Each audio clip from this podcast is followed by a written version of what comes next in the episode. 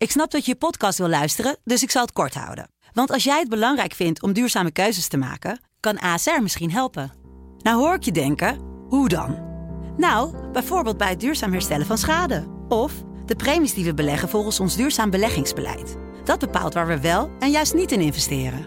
Wil je meer weten over welke duurzame keuzes ASR maakt? Ga dan naar asr.nl slash duurzame keuzes. ASR doet het. Zo, dan kan je nu lekker naar je podcast luisteren. Deze podcast is mede mogelijk gemaakt door OBAM Investment Management. Al ruim 85 jaar Nederlandse beleggingshistorie met beleggen in aandelen wereldwijd. Ervaren, actief en met een duurzaam rendement investeren in uw financiële toekomst. OBAM Investment Management, de kunst van het kiezen. Kijk op obam.nl voor meer informatie. Een soort kuifje die op dat Ja, gaat, toch? ja, ja. Ik, ja, ik had iets, ja, mij boeit het niet zoveel wat, wat deze meneer vindt. Als je dan toch daar een wereldregering aan het vormen bent, zorg dan in ieder geval dat je daar met elkaar fatsoenlijk openbaar vervoer afspreekt. Dat lijkt me dan stap 1. Dit is Kwestie van Centen. Een podcast van de Financiële Telegraaf met Martin Visser en Herman Stam. Hartelijk welkom allemaal. Met een beetje bedroefd zeg ik het eigenlijk bijna, omdat het echt nu de laatste is, hè Martin? Dat eh, gaat gebeuren. Je moet nooit te veel eh, dingen van how can I make this about me? Eh, maar toch even een moment om bij stil te staan, want het is Ja, de nee, ik- ik- aankondiging van de podcast. Zeker. Voor ik mij dan, hè? Ik verwacht straks nog wel een Twan van Peperstaatje. Dus, eh, ja, de, de voor mij zit je er heel dichtbij eh, vandaag. Ja, het is wel waar. Ja. Dit is de taart uitgedeeld en het is dan echt nu de laatste uur op de redactie. En dat voelt gek natuurlijk, want eh, het is een prachtig bedrijf om voor te werken. Hmm. Ja, En 20 jaar, hè? Is het mooiste vak. Toch? Eh, ja, bij- bijna 20 jaar. Ja. Ja. Dacht eerst nog dat ik een soort eh, bonus mee, mis zou lopen. Dat je die bij 20 jaar zou Hmm. krijgen in het bedrijf. Dat ik dacht, oh wat onnozel om dan vlak voor je 20ste jaar te stoppen. Maar dat blijkt niet waar te zijn. Nee. Dat is na 25 jaar, dus het is helemaal safe. Ja, en eh, we hebben een mooie opvolger eh, gevonden. Laten we meteen Ja. de positieve nieuws eh, brengen. Die Ja. hebben we vorige week al beluisterd. Ja, Robert Ophorst gaat jouw plek innemen. Die Ja, kan jou tenminste een beetje goed tegengas geven. Ook af en toe dat telegraafgeluid natuurlijk bij jou. ja hij stelt van diezelfde rare vragen als jij, dus dat komt helemaal goed. Ja. Ik heb heel erg met hem gelachen. Want we hadden het over. Hij zei ja. Maar goed, eh, die financiële kennis. Hè, want ik was natuurlijk oud-chef van de Financiële Telegraaf. Dat heb ik allemaal niet. Ik zei, joh, ik weet er ook allemaal niks van. Je gooit gewoon een kwartje in, Martin. En ik begin vanzelf te kletsen. en, eh, en dan is het allemaal Nou. weer zo om. Toch? Bedankt. Dat gaan we vandaag doen. Want, eh, nou ja, we gaan ook wel eventjes eh, terugblikken op eh drieënhalf jaar eh, podcast die we samen hebben gemaakt. Ja. Eh, ooit begonnen hier beneden in het gebouw. eh, jij eh, onderuit liggend op een bankje. want we hadden helemaal geen echte studio. Nee, ik wou net zeggen. Jij, jij voor me ook dan een van een vage bank en moest nog een, zelf die microfoon vasthouden. En, Ja. ja, nee, hartstikke leuk. Nee, we is zijn het echt, allemaal nog terug te luisteren eigenlijk? Ja, zeker. Dat is allemaal online te vinden. Ja. Ja, ja, zeker. Dus dat is allemaal terug te vinden. Ik weet niet eens hoeveel, hoeveelste aflevering dit dan is, maar wat is het? 2019. eh, Ja. dat is allemaal nog terug te vinden online. Leuk. Ja. Ik ga het toch Spotify, toch andere- even in mijn weemoed Ja. dan nog even die eerste nog een keer luisteren. En wat we eigenlijk altijd eh, gebruikelijk doen, we pakken een onderwerp. Het zal iets anders in elkaar zitten, omdat we op het eind ook een beetje gaan terugblikken op die 3,5 jaar. Maar eh, we kunnen in deze week natuurlijk ook niet eh, onder Davos uit. Want daar ben je meerdere keren geweest. Moest altijd heel erg lachen om jouw verhalen. Vooral over je hospice waar je ja. onderdak zocht. En dat klinkt dan altijd helemaal zo van, oh je bent in Davos. Nou, daar zit je dan uiteindelijk niet toch? Qua Nee. waar je slaapt. Stuk ervan af. Ja. En, en ja, nu is dan heel erg de discussie losgebarsten. Moet nou dat is ook al wel langer dan, eh, dan nu, maar eh, moeten we daar wel heen en wat zitten ze allemaal te bekonkelen? Heb je, heb je gekeken naar dat, eh zullen we even, luisteren naar Rutte op weg Ja. naar Davos? Dat is goed. eh, dat daar panels zijn om te praten over belangrijke ontwikkelingen. Zoals bijvoorbeeld Oekraïne. Morgenochtend wordt gelivestreamd. Hoe blijven wij Oekraïne steunen in de strijd eh, tegen Rusland? Maar het is ook een mogelijkheid om heel veel, bijvoorbeeld politici, premier Tunesië, president Irak over migratie, president Moldavië over de situatie in de regio daar. eh, maar ook veel anderen, maar ook bedrijven. Eh, bijvoorbeeld Total en Vattenfall over de energietransitie. Intel en Qualcomm over chips en de toekomst van eh, Semicom. En ook heel veel andere bedrijven te spreken. Er zijn ook heel veel journalisten, wetenschappers. Je doet heel veel ideeën op. Er worden geen besluiten genomen. Ik ben hier met een grote kabinetsdelegatie. Ja, en zou je dit apart moeten doen, dan praat je misschien over letterlijk tientallen reizen naar al deze mensen. Ja, ik, moest me, ik lag me kapot. Hij heeft wel een soort kuifje die op pad Ja. gaat, toch? Ja, ja, ja. Eerst hadden we dat eh, gehad in het kantoor van Biden, dat hij met de telefoon mocht spelen. En dit. Ja. Hoe kijk jij hier tegenaan? Nou, ik, eh, ik, ja, nou goed. Ik vind op zich heel goed dat die industrie het een en ander over vertelt en waarom dit niet doet. Dat vind ik in zichzelf natuurlijk heel goed. Maar ja, goed. Ik vind, Ik vind een schril contrast staan tussen de, de ophef die het geeft. Ik zat de afgelopen dagen uh, toch wel, ben ik er weer flink ingedoken en dacht ik heel even, ja, dit is een soort Twitter-werkelijkheid. Van mensen die allerlei hele enge complotten zien. Maar als je dan ook ziet dat recent onderzoek uitkwam dat, dat één op de vijf mensen echt denkt dat een hele kleine geheime groep aan mensen uh, het beleid in de wereld vaststelt. Mm. en, en, nog eens één op de vijf dat voor mogelijk houdt. Dan zijn het hele grote groepen die heel argwanend staan tegenover bijvoorbeeld zo'n Davos. Ja, en om dan met zo'n ja, uit de hand geschoten filmpje vanuit het pendelbusje van Zurich naar Davos. Even op de achterbank even snel uit te leggen, dit en dit is het. En uh, hij zegt hiervoor nog ook van... Oh, had ja, Bobke het gefilmd? Of wat er zijn nou, met uh, heel wat ministers? Het zal wel een woordvoerder zijn, dat weet ik verder niet. Maar uh, um, dat kon je ook niet zien. Um, iemand achter hem, de, ja, de setting was ook heel raar. Iemand zit schuin achter hem en hij kijkt dan over zijn schouder naar achter. Een beetje zoals Zoals, uh, zoals je vader vroeger uh, vanuit zijn voorstoel achter het stuur naar de achterbank keek en je ja. toesprak als kind. Ja. Nou, zo word nou, je dat ging bij mij wel wat strenger hoor. Ja, nee, dat geloof ik wel. Maar dat was misschien ook wel nodig. Maar um, nee, maar met je, ja, gek. Ik bedoel, in de setting gek. En dan zegt hij ook hiervoor nog iets van, uh, ja, er wordt uh, allerlei mensen gezegd dat er heel veel spannende dingen gebeuren. Nou, dat is niet echt zo hoor. Hmm. Denk, ja, maar realiseer je wel wat, wat, wat de, wat de de, het wantrouwend argwaan inmiddels is. En dan kan je denken van nou allerlei complotgekkies. Uh, dan kan je allemaal makkelijk wegwuiven. Maar er zijn gewoon heel veel mensen die wantrouwend zijn. Ten opzichte van allerlei invloedrijke mensen die dan al een paar dagen samenkomen. Waarbij we eigenlijk geen idee hebben wat ze precies bespreken. Goed, ik ben er vaak geweest. En heel veel is openbaar. Dus Davos in zichzelf, het World Economic Forum, is uh, grotendeels een, uh, een, niet een openbaar toegankelijk, maar wel een zichtbaar iets. Je kan via livestreams kan je al die panels en lezingen allemaal volgen. Maar het gaat natuurlijk om dat die mensen elkaar ook allemaal in wandelgangen tegenkomen. Dat ze één op één afspraken hebben. En, en, en, ja, en als die argwaan en het wantrouwen onterecht is, dan moet je dat ook gewoon als premier makkelijk kunnen uitleggen wat, mm. er, wat, wat er gaande is. En daar voor me veel opener en transparanter over zijn. Dan even op te sommen, ja, uh, premier Moldavië, president Irak. Ja, maar hij deed ook heel erg specifiek van qua ja. bedrijven. Ja. Blijkbaar gewoon zo'n lijst met mensen die hij daar gaat ontmoeten. Ja, een lijst die ze maandag nog niet hadden. Want ik ben maandag heb ik met RVD gebeld.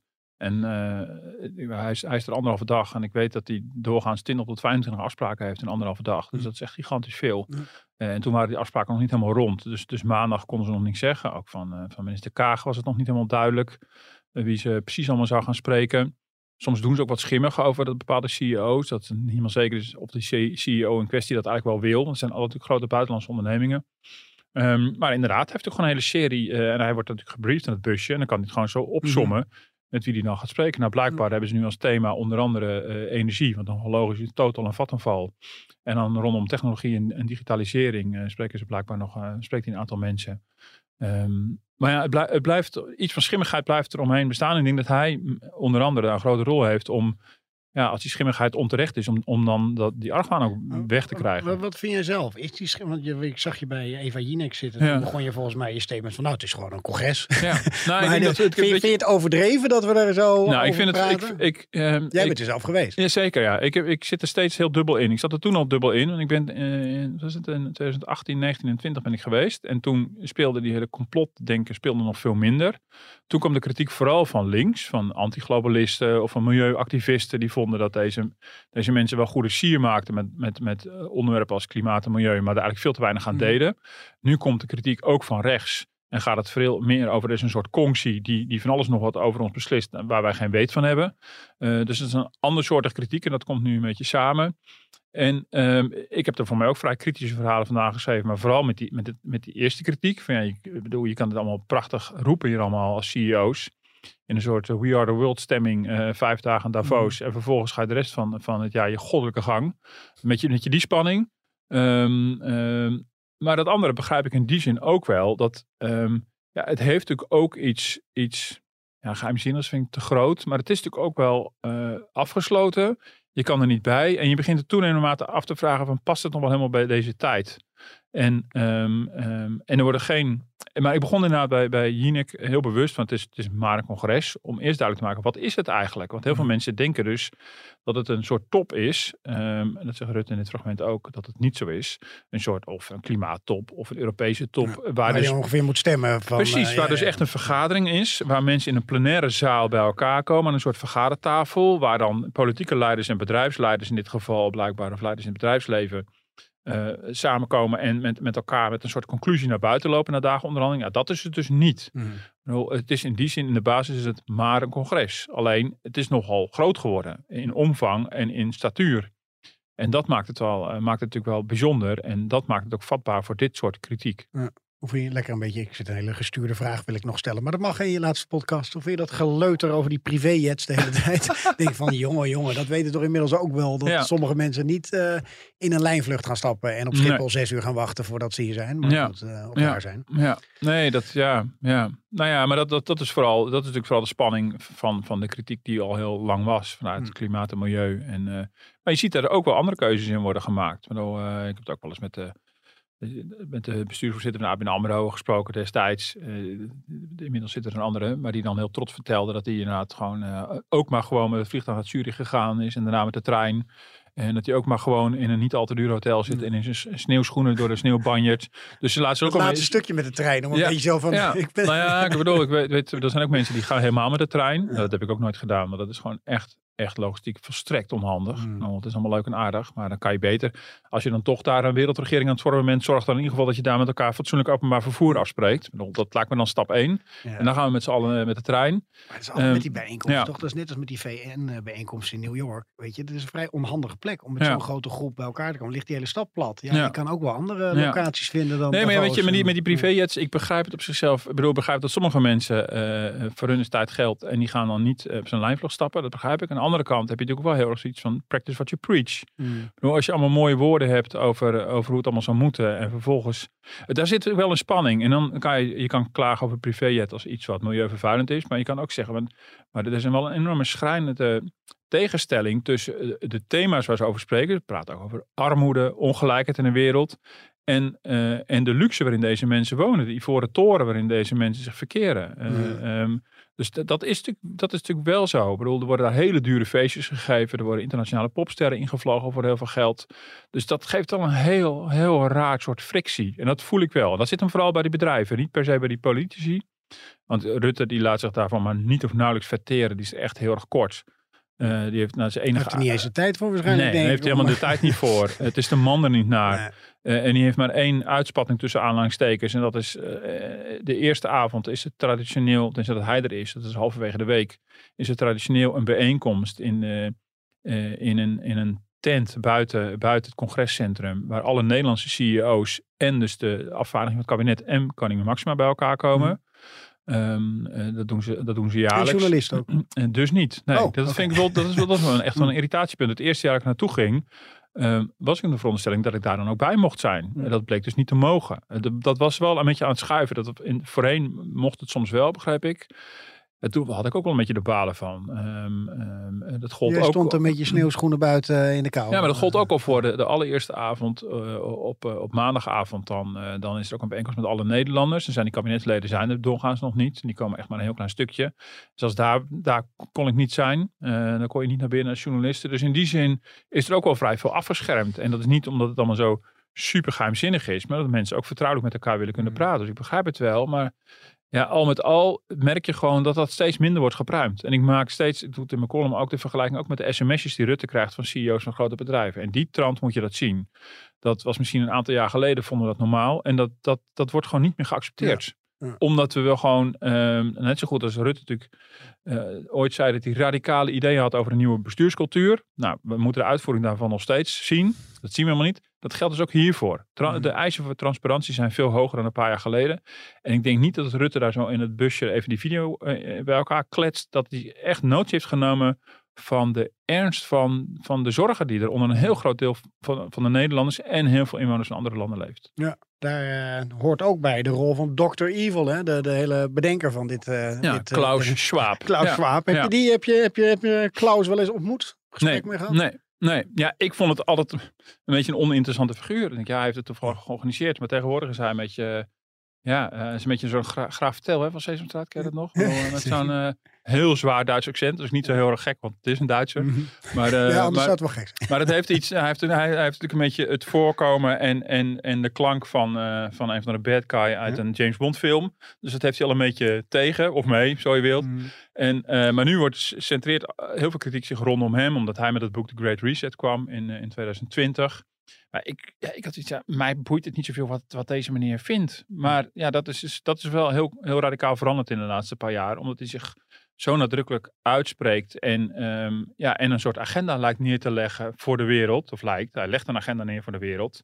En er wordt nu heel veel gewicht aan toegekend. Ja, maar goed, ja, eh, zijn invloed is dan, eh, dan moet bijvoorbeeld zo'n eh, lezing daarover gaan. Ja. Maar in de wandelgangen zullen ze heel erg die agenda van hem dan volgen? Nou ja, kijk, het eh, congres, dat, dat zijn, hij heeft 800 medewerkers. eh, en de- die bepalen natuurlijk de thematiek van het congres. En natuurlijk in samenspraak met alle aanwezigen. Ik bedoel, eh, Mark Rutte zit, eh, zit deze week in twee discussiepanels. Ik weet niet uit mijn hoofd welke onderwerpen.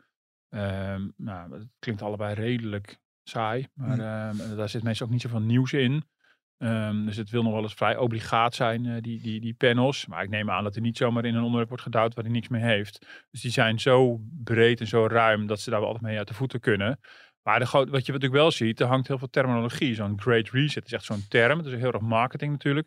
En dat gaat natuurlijk zijn eigen leven leiden. Net als het hele begrip build back better, wat je ook de laatste jaren steeds meer hoort. Dat is echt zo'n, nou, we moeten na een crisis moeten zorgen dat onze economie en maatschappij er beter voor staat dan, dan daarvoor.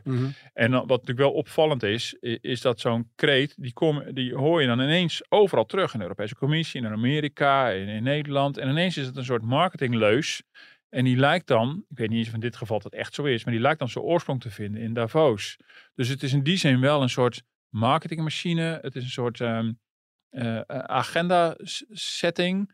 Waarbij, ehm, eh, waarbij ik dus niet denk dat het meteen allemaal heel veel invloed heeft dat Mark Rutte ineens uit gaat voeren. Dat denk ik al helemaal niet. Uit gaat voeren wat Klaus Schwab allemaal vindt. Dat, dat is echt flauwekul. Maar wel dat die neus een beetje dezelfde kant op worden gezet.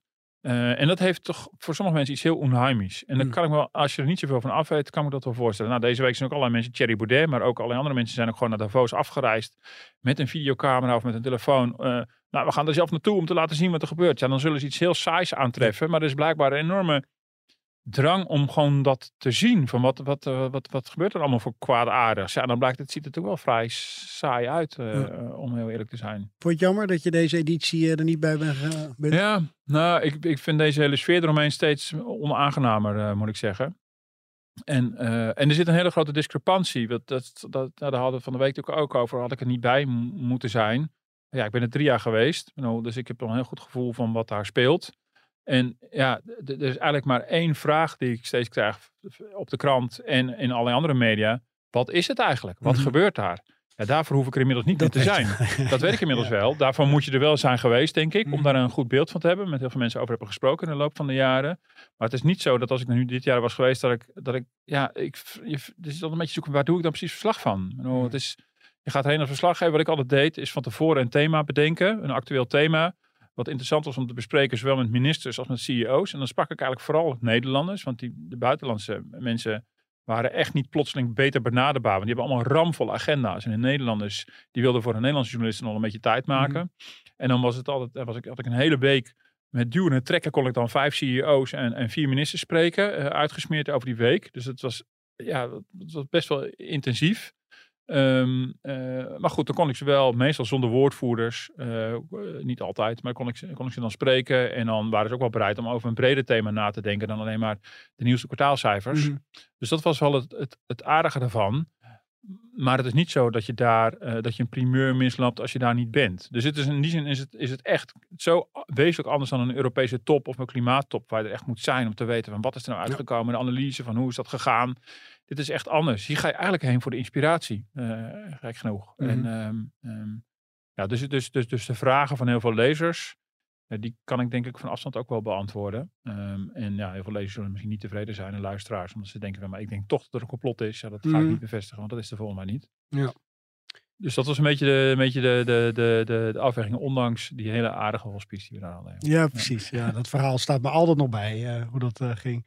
Hey, ehm, nou, nu ik zelf ondernemer word, want dat weten mensen natuurlijk eh, door de vorige podcast, dat ik eh, dat als nieuwe baan ga doen, eh, wil ik het nog wel eventjes over het vestigingsklimaat hebben. Daar wil ik het sowieso over hebben, omdat deze week een hoorzitting was met uh, Bos Kalis was ook uitgenodigd zelf. Ja. Hè? Ja. Die dreigen te vertrekken. We hebben Shell gehad. Ja. Unilever. Hoe eh, staan we? eh, Misschien moeten we even eerst eh, naar Ingrid uh, Thijssen luisteren. De, de, de ja. bazin van alle bedrijven. Maar ik denk dat je het vooral moet zien, en zo heeft volgens mij eh, meneer Berdowski dat ook bedoeld. Het is een druppel in een emmer, zoals eh, hij volgens mij ook zei. Het Nederlandse bedrijfsleven, van groot tot klein, maakt zich ongelooflijke zorgen over het ondernemersklimaat in Nederland. Ik spreek er bijna dagelijks, spreek ik eh, bedrijven, nogmaals, groot en klein, die zeggen: Goh, Ja. ik overweeg te vertrekken uit Nederland. Dan wel, nou weet je, ik ben diep geworteld in Nederland. Ik ga hier echt niet weg. Maar nieuwe investeringen doe ik niet meer in Nederland. Bazin van alle bedrijven, eh, van VNO, NCW, die Ja. de grote bedrijven Ja. vertegenwoordigen. Ja. Laat ik maar even snel. Ik zie jouw blik al van, eh, dat klopt niet Herman. Nee. Nou, dat viel reuze mee hoor. Dat is, dat is allemaal eh, dit is zelfcensuur en zelfkritiek. Hè? Ik, bedoel, ik, ik kijk heel ik heb eh, gewoon genoeg aan jouw blik, jongen. Dat weet ik al meteen. Dat krijg ik later weer te horen, dat ik dat niet goed heb gezegd. Nou, straks Maar- bij je eigen baas heb je er geen last meer van. Nee, dan blaf je gewoon iedereen af. En dan, eh, That's the spirit. Eh, maar, hoe staat het met die bedrijven? Want eh, moeten we nou ons echt een beetje gaan zorgen gaan maken over de grote leegloop?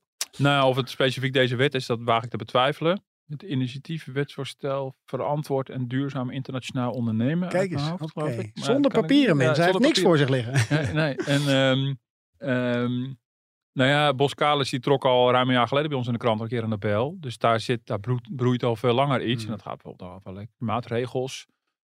die Waarvan Boskalis zegt dat het maakt voor ons het investeren eh, echt wel onmogelijk. Bedoel, we worden al te snel gehouden aan allerlei CO2-beperking, CO2-reducties. Terwijl wij investeringsplannen hebben voor een hele lange termijn. Eh, en het is niet altijd reëel wat er, wat er in Nederland eh, wordt gevraagd. En dit kwam dan eens een keer bovenop. Daarom, daarom zocht hij recent weer de publiciteit, eh, topman Bedowski. Eh, met de klacht, ik word niet gehoord. Maar vervolgens eh, is hij keurig uitgegaan voor een hoorzitting. Maar goed, dat, dat terzijde. Heeft er Eh. iemand dat wel tegen hem gezegd? Van hallo, maar u komt gewoon in de Tweede Kamer deze week, ja, nee, ik weet niet. Nou, ja. Maar ehm, ehm, eh, nou, ik vind, het, ik vind het wel een. ehm, een eh, eh, ik denk niet, dit, dit zal in zichzelf niet een reden zijn voor allerlei bedrijven om te vertrekken. Ik vind het wel eh, opmerkelijk dat een recent onderzoek. eh, bleek ook wel een eh, onderzoek van, eh, van, eh, van de UVA. dat eh, 23% van, eh, van de bedrijven overweegt om activiteit te plaatsen. Ehm, en dat is een dwarsdoorsnede van, van klein, middelgroot en grote bedrijven. Eh, het is, en natuurlijk vooral internationale ondernemingen, dat is nogal logisch, maar dat was in de uitsplitsing werd dat duidelijk. Ehm, want als je niet internationaal bent, dan is verhuizen niet heel erg logisch. Mhm. Dus dat leeft dus wel. Eh, een derde van de bedrijven vindt dat het vestigingsklimaat in Nederland is verslechterd. En het is ook wel zo dat het sentiment richting bedrijven echt gekanteld is eh, sinds een aantal jaren. En dit wetsvoorstel eh, illustreert ook wel weer een beetje hoe dat met het bedrijfsbelang wordt omgegaan. Want de, de, de klacht is, het het wetsvoorstel gaat erover, kort gezegd, dat bedrijven worden eh, volledig verantwoordelijk voor alles wat er eventueel mis kan gaan in hun hele keten van productie en leveranties. En dan gaat het met name om, om milieu, klimaat en arbeidsomstandigheden. Als je bijvoorbeeld kan weten dat de kinderarbeid eh, plaatsvindt ergens in de, in, de, in de productie van iets wat jij afneemt, dan ben je als bedrijf daar eindverantwoordelijk voor. Net zoals milieuvervuiling. Nou, klinkt allemaal eigenlijk heel logisch. Mhm. Eh, een soort ketenaansprakelijkheid. Ehm, maar de, de, de klacht is A, dat Nederland dat nu op zichzelf regelt. Terwijl, eh, nou, met name Ingrid Thijssen zegt, kom dan maar gewoon met Europese wetgeving. Dat is gewoon, dan is het voor iedereen precies gelijk. Nu gaat ieder, elk land het voor zichzelf bedenken hoe ze het precies gaan invoeren. En de andere klacht is, de, de, de, de norm die hiervoor wordt vastgelegd in de wet, een zorgplicht, is dermate vaag dat bedrijven bang zijn dat ze juridisch vogelvrij worden verklaard. Ja. En dan gaat de Raad van State... niet goed weten ja. wat er aan de hand is in En een ander land. Ja, en opmerkelijk genoeg gaat de Raad van State daarin mee in het argument. Nou, eh, Het wetsvoorstel is iets aangepast naar kritiek van de Raad van State. Maar voor zover ik kan interpreteren op, op dit gebied van die normen, die zorgplicht, dat blijft heel algemeen. En de Raad van State zegt ook dat het is onverantwoord om dat te doen. En eh, dat biedt ook bedrijven te weinig juridische bescherming. Je bent nou, dat vogelvrij. Dat, dat, dat, goed, dat is mijn term. Maar dat is wel iets wat ik terugvind bij de Raad van State. Dus dat vind ik wel opvallend en interessant. Ja, en wat mij betreft, wat ik het, eh, wat ik het, ehm, het interessante vooral vind, is hoe gaat de politiek vervolgens om met deze redelijke kritiek? Wordt er overheen gewalst of wordt er Mhm. nog naar geluisterd? En je proeft aan alles dat bij heel veel bedrijven de wanhoop een beetje toe begint te slaan. Omdat ze merken van de politiek steeds minder zich iets aantrekt van dit soort argumenten. En dat is van, oh, heb je die bedrijven weer. Nou, eh, dat zeggen ze misschien niet zo hardop. We hebben gezien eh, hoe, hoe laconiek er werd omgegaan met het vertrek van Shell en Unilever. En daarna ook DSM. Ehm, een beetje zo'n gevoel van, nou, dan rotten ze toch maar op. Ja, ik begrijp, er is, er is heel veel aan te merken geweest op de positie, van grote bedrijven. Ik denk dat de toegang tot de macht veel te eh, onduidelijk was en veel te- achteraf bleek veel te groot. Ehm, ehm, maar dat betekent niet dat we zoiets hebben van, nou ja, eh, als ze weggaan of we jagen ze weg, eh, maakt ons niet uit. Dat, dat, is veel te makkelijke en nonchalante houding eh, de bijdrage van het grote bedrijfsleven in onze economie. Hoe, hoe kan dat eigenlijk? Hoe verklaar je het? Want we de, de langzittende premier hebben we, eh, die eh, van de VVD is, een liberale premier. En dit sentiment is zo Ja. in zijn jaren zo gekanteld. Ja, en eh, hij doet er in toenemende mate zelf aan mee. Ja. Ik bedoel, ehm, hij doet er niet volop aan mee. Ik bedoel, weer op een andere manier dan ik bijvoorbeeld op PvdA GroenLinks. Ehm dat is natuurlijk geraaien ook als, als, als liberaal. Eh, maar je ziet ook dat, ook dat ook Rutte daar natuurlijk wel in, in zekere mate aan mee is gaan doen. Met name op de dis- discussie van het loongebied. is hij natuurlijk eh, flink... maar ja, hij heeft Je natuurlijk... bedoelt, eh, hij roept af en toe, ze moeten over de brug komen en Ja, de werknemers Precies, beter ja. betalen. Nou, Ja, goed, op ja, zich mag dat allemaal wel, maar het- daar vinden werkgevers ook wel ingewikkeld dat Rutte dus echt de kant van de vakbonden kiest. Dat vinden ze al heel moeilijk. Mhm. Maar ja, Rutte heeft natuurlijk een enorme deksel op zijn neus gekregen en heeft een hele dividendbelastingdiscussie. Zo simpel is het. Ik noemde net al bij het Maar vorige daardoor deel. is hij teleurgesteld in het hele bedrijfsleven of zo. Ja, en, eh, en hij voelt zich soms ook genaaid door die grote bedrijven. Mhm. Die, dan, eh, die dan rechtstreeks toegang tot hem hadden. En het voor elkaar hebben gekregen dat hij iets in het regeerakkoord stopt over dividendbelasting. Wat verder niemand wilde, behalve hij en het grote bedrijfsleven. En gaandeweg wordt ontrafeld hoe dat in het regeerakkoord terecht is gekomen. En wie daar eigenlijk van profiteert. Namelijk de buitenlandse aandeelhouders van twee grote bedrijven. Mhm. That's it. Rutte verdedigt dat. even, noem ze even. eh, Shell en Unilever. Ja, precies, ja. En eh, Rutte verdedigt dat eh, tot op het laatst. Nog met, met de toenmalige VNO-voorzitter Hans de Boer. Dat waren de twee laatste der Mohikanen die er nog verdedigden. En aan het eind van het liedje zie je dat, eh, zie je dat er vanuit Shell en Unilever communicatief soms onhandig wordt geopereerd. En vertrekken ze ook nog eens een keer. Echt Mhm. een klap in het gezicht ook voor, eh, voor Rutte. Die zich echt hard gemaakt heeft voor het belang van deze twee bedrijven. Dit waren wel speciale gevallen, want ze waren al Brits-Nederlands. Dus ze wilden van twee hoofdkantoren wilden ze er eentje maken. Dus het dubbeltje kan allebei de kant opvallen. Ehm, ja, die voelt zich natuurlijk ontzettend in de steek gelaten, kan ik mij zo voorstellen. En zal minder enthousiast worden om die bedrijven allemaal te verdedigen. Want uiteindelijk kiezen ze gewoon voor aandeelhoudersbelang. Ja. En niet voor het belang van premier Rutte. En is het eh, bovendien ook nog eh, een tactisch spel dat hij denkt, nou dat is qua eh, stemmen, qua kiezers een handige positie. Ja, ik denk het wel, ja. ja. Ja. Kijk, hij is natuurlijk niet anti-bedrijfsleven of iets dergelijks. Mhm. Maar, ehm, ehm, maar hij is daar wel veel genuanceerder, veel genuanceerder in geworden. Je ziet ook de, de, de laatste paar keren, de laatste drie keren, dat er een financieel gat was in de begrotingsplannen. eh, dat, dat steeds ook de belasting voor bedrijven, de winstbelasting werd verhoogd. Dus dat is drie keer op rij bij, bij tussentijdse onderhandelingen is dat, is dat gebeurd. Eh, dat is natuurlijk een voorbeeld ervan. Eh, terwijl de, de andere beloftes waren gedaan, andere plannen waren neergelegd. Ehm, eh, ja, daar stemt hij in ieder geval mee in. Bedoel, hij zal misschien niet het initiatief nemen. Ehm, goed, hij doet het natuurlijk niet in zijn eentje. Bedoel, Mhm. Maar hij, vaart wel een, hij, hij gaat wel een, vaart wel een beetje mee in dat sentiment in, in zekere zin. Ja, en dan wordt er vanuit... Het werd altijd al gezegd, hè, voordat hij premier werd, hè, dat hij toch wat, beetje een linkse VVD eigenlijk daarin. Ja, nou, ik weet niet. Ja, zeker. Ehm, hij, hij wil ook iets van groen rechts hebben. Mhm. is toch een soort, soort, soort linker variant van, van, eh, van, eh, van het rechtsliberale Ja. geluid. Ehm, nou, denk ik, hij komt ook wel bij het grote bedrijfsleven vandaan. Dus ik denk, ja, ik weet niet of overigens niet echt per se of zijn hart daar ligt. Maar ik denk niet dat hij intrinsiek heel erg iets tegen grote bedrijven heeft. Maar ik denk vooral gewoon dat hij gewoon meewaait met de, met de politieke winden om gewoon te overleven. Dat is denk ik Mm. de belangrijkste reden. En ehm, ehm, eh, dus, dus ja, ik denk dat dat vooral, dat dat vooral eh, eh, aan de hand is. Ehm, ja, en hij merkt gewoon natuurlijk dat hij politiek kwetsbaar is als hij zich gewoon zijn oren te veel laat hangen naar, naar de, de lobby van het grote bedrijfsleven. En, en ja, en er staat tegenover dat een VNO en andere, eh, eh, en, andere en, en de grote multinationals zich nu realiseren van ja, onze stem wordt minder gehoord. Ik bedoel, de, de invloed en de, en de macht achter de schermen van een club als VNO is aanzienlijk kleiner dan, dan Mhm. die van ouds was. En misschien is het ook wel gezond. Hey, en eh, hebben ze wel een punt, want je noemde dat even, dat vestigingsklimaat. Zie jij dat wel, dat dat echt verslechterd is in Nederland? Ja, nou verslechterd vind ik wel heel zwaar, maar ik zie wel dat het onder druk staat. Ja, Hm. verslechterd is alsof het echt ineens heel slecht zou zijn. Maar je ziet ook wel in het onderzoek geven ze dat het gemiddeld nog steeds een 7 min, de bedrijven zelf. Dus ze zijn positief over het vestigingsklimaat, ze vinden het alleen minder goed.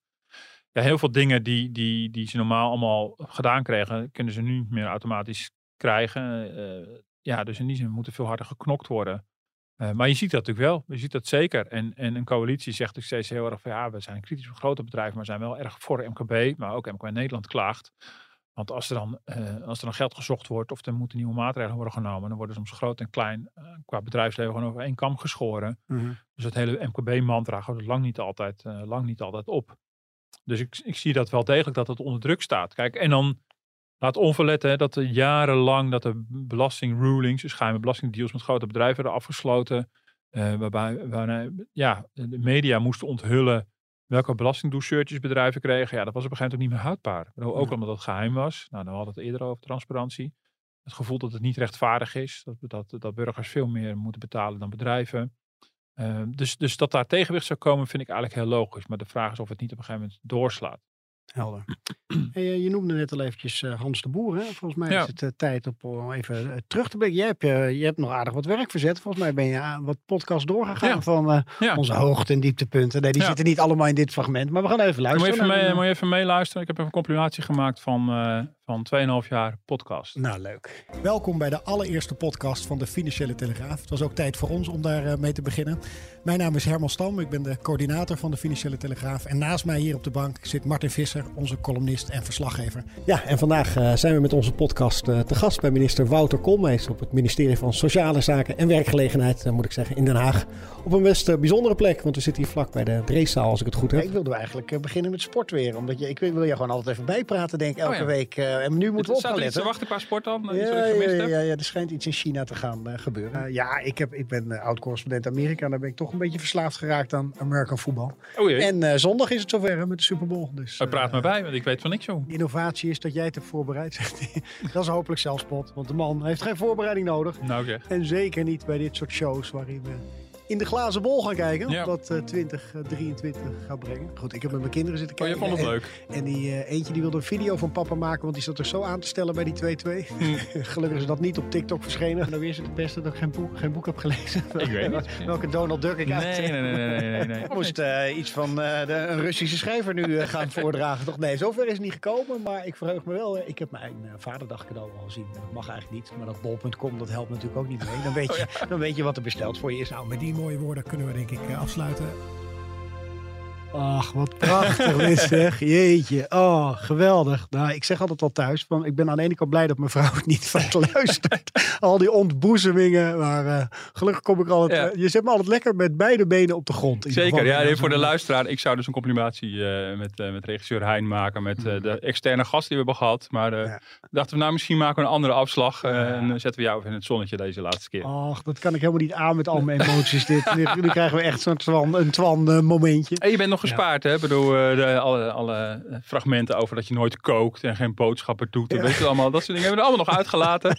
dus, eh, dus je komt er al redelijk goed vanaf. Ik had gehoopt op ook nog een fragment over onze vogeltjes, waar we het altijd over hebben. Ja, maar ja, dat was meer mijn ding. hè. Nee, ergens, eh, dat, dat zeg je ook nog wel eh, van, eh, over de Donald Duck die je de afgelopen week gelezen hebt. Ja. En, eh, Ja. ja, nee, Oh. maar dit was natuurlijk wel een beetje de, de, de, de, de toon en de sfeer. En ik moet, moet eerlijk zeggen, dat is natuurlijk wel de laatste jaren steeds meer geworden. Ik, wij, wij vermoeden dat heel veel luisteraars dat ook leuk vinden. Mhm. Dat eh, hopen we nog maar eh, Ja. dat, dat, dat dat zo is. Ook een beetje op aangeven van een goede coach die we hebben gekregen om nou, ook gewoon pe- persoonlijk te maken en behapbaar te maken. Soms is dat je Ja, die kans hebben we wel gegrepen. Die toen kans zei, je moet meer van jezelf laten horen. Ja, en soms maken we het, het onderwerp van die keer eh, persoonlijk. eh. En soms is het gewoon ouwe hoer in de marge. We proberen het in de marge te doen en beginnen aan het eind. Ja. Nou, dit waren een paar kleine snippers uit, uit die marge. Dus volgens mij heb je daar heel veel plezier aan En beleefd. je hebt nog gemats. Ik zag, ik zat mee te schrijven van, oh, dat en dat. En nou, naar Goalmees vond ik een van de leukste ervaringen dat we de, de podcast op locatie hebben gemaakt. Hè, bij het ministerie van Sociale Zaken. En eh, die intro hoorde ik net van, we zitten hier vlak bij de Dreeszaal. Dat was belangrijk, want Ja. het was allemaal spannend overleg geweest. Maar volgens mij zei ik Wouter, Wouter Dreeszaal. Ja, en hebben we ja. later nog even een klein knipje Nou, moeten dit doen. is de herziende versie. Hè? Ik bedoel, die andere is natuurlijk verloren gegaan. Maar eh, ja. En de minister zelf moest even in de Normaal, we nemen alles voor de luisteraars, dat misschien wel goed, alles gewoon op. En we luisteren niet meer terug. En het is gewoon, het is wat het is. Alleen in die podcast hebben we twee dingen gedaan. Want eh, Wouter Koolmees deed ook een pensioenberekening. En die bleek achteraf niet Niet helemaal... helemaal te kloppen. Nee, weet je, over de AOW. Ja, ja. Ja. nee, mogen, we, meest- mogen we dat zeggen eigenlijk? Ja, vast wel. Ja. Nee, ja, ik even, de- meestal, eh, we gaan niet achteraf retoucheren. Ja. En eh, nou, gelukkig worden alle onvolkomenheden wel even uitgehaald. Bedoel, eh, het hele idee dat het zomaar online wordt gepleurd, dat doet niet helemaal recht aan het werk. Nee, oh sorry. Hein. Want ten eerste heb je net iets geweldigs gemaakt. Nee, dat, dat wilde ik, weet je, ik wil niet... Nee, maar inderdaad. Bedoel, het is niet de bedoeling dat we dan, we gaan dingen niet allemaal overdoen. En nee, dus in die zin is het vrij spontaan. What you, what you hear is what you get. Ja.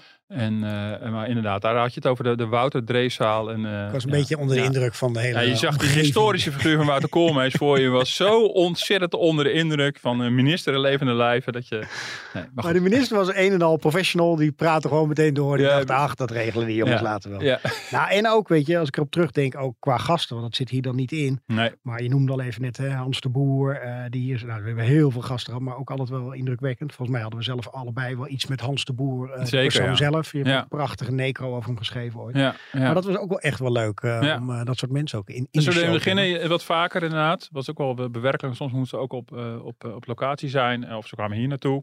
Ehm, eh, dus ja, dat was ik denk de, de eerste. Als mensen terug willen luisteren. We hebben heel veel externe gasten gehad. Ook natuurlijk Elsenga van FNV. Een heel goed beluisterde podcast destijds. Waarin die hele pensioenakkoord uitlegde en toelichtte. En wij alle vragen konden stellen. Mhm. En ehm, ja, ik ook specialisten van banken en, en nou, van alles, eh, van alles en, en, en, nog wat.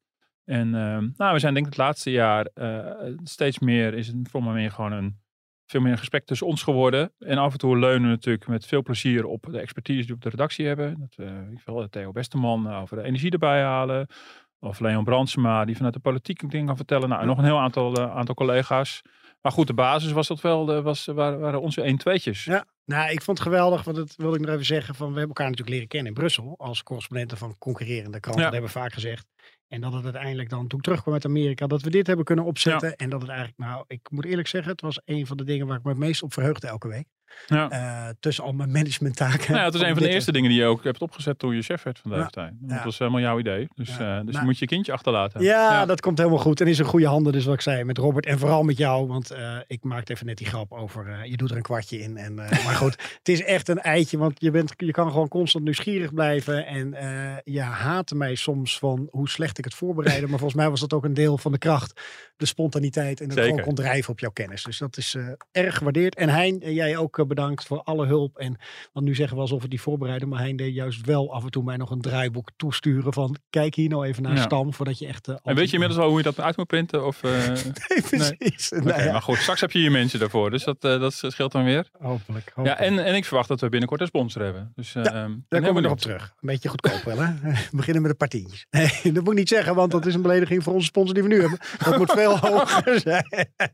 Oh, dit gaat helemaal... Volgens mij moet ik gaan afsluiten, want anders gaan er helemaal dingen mis.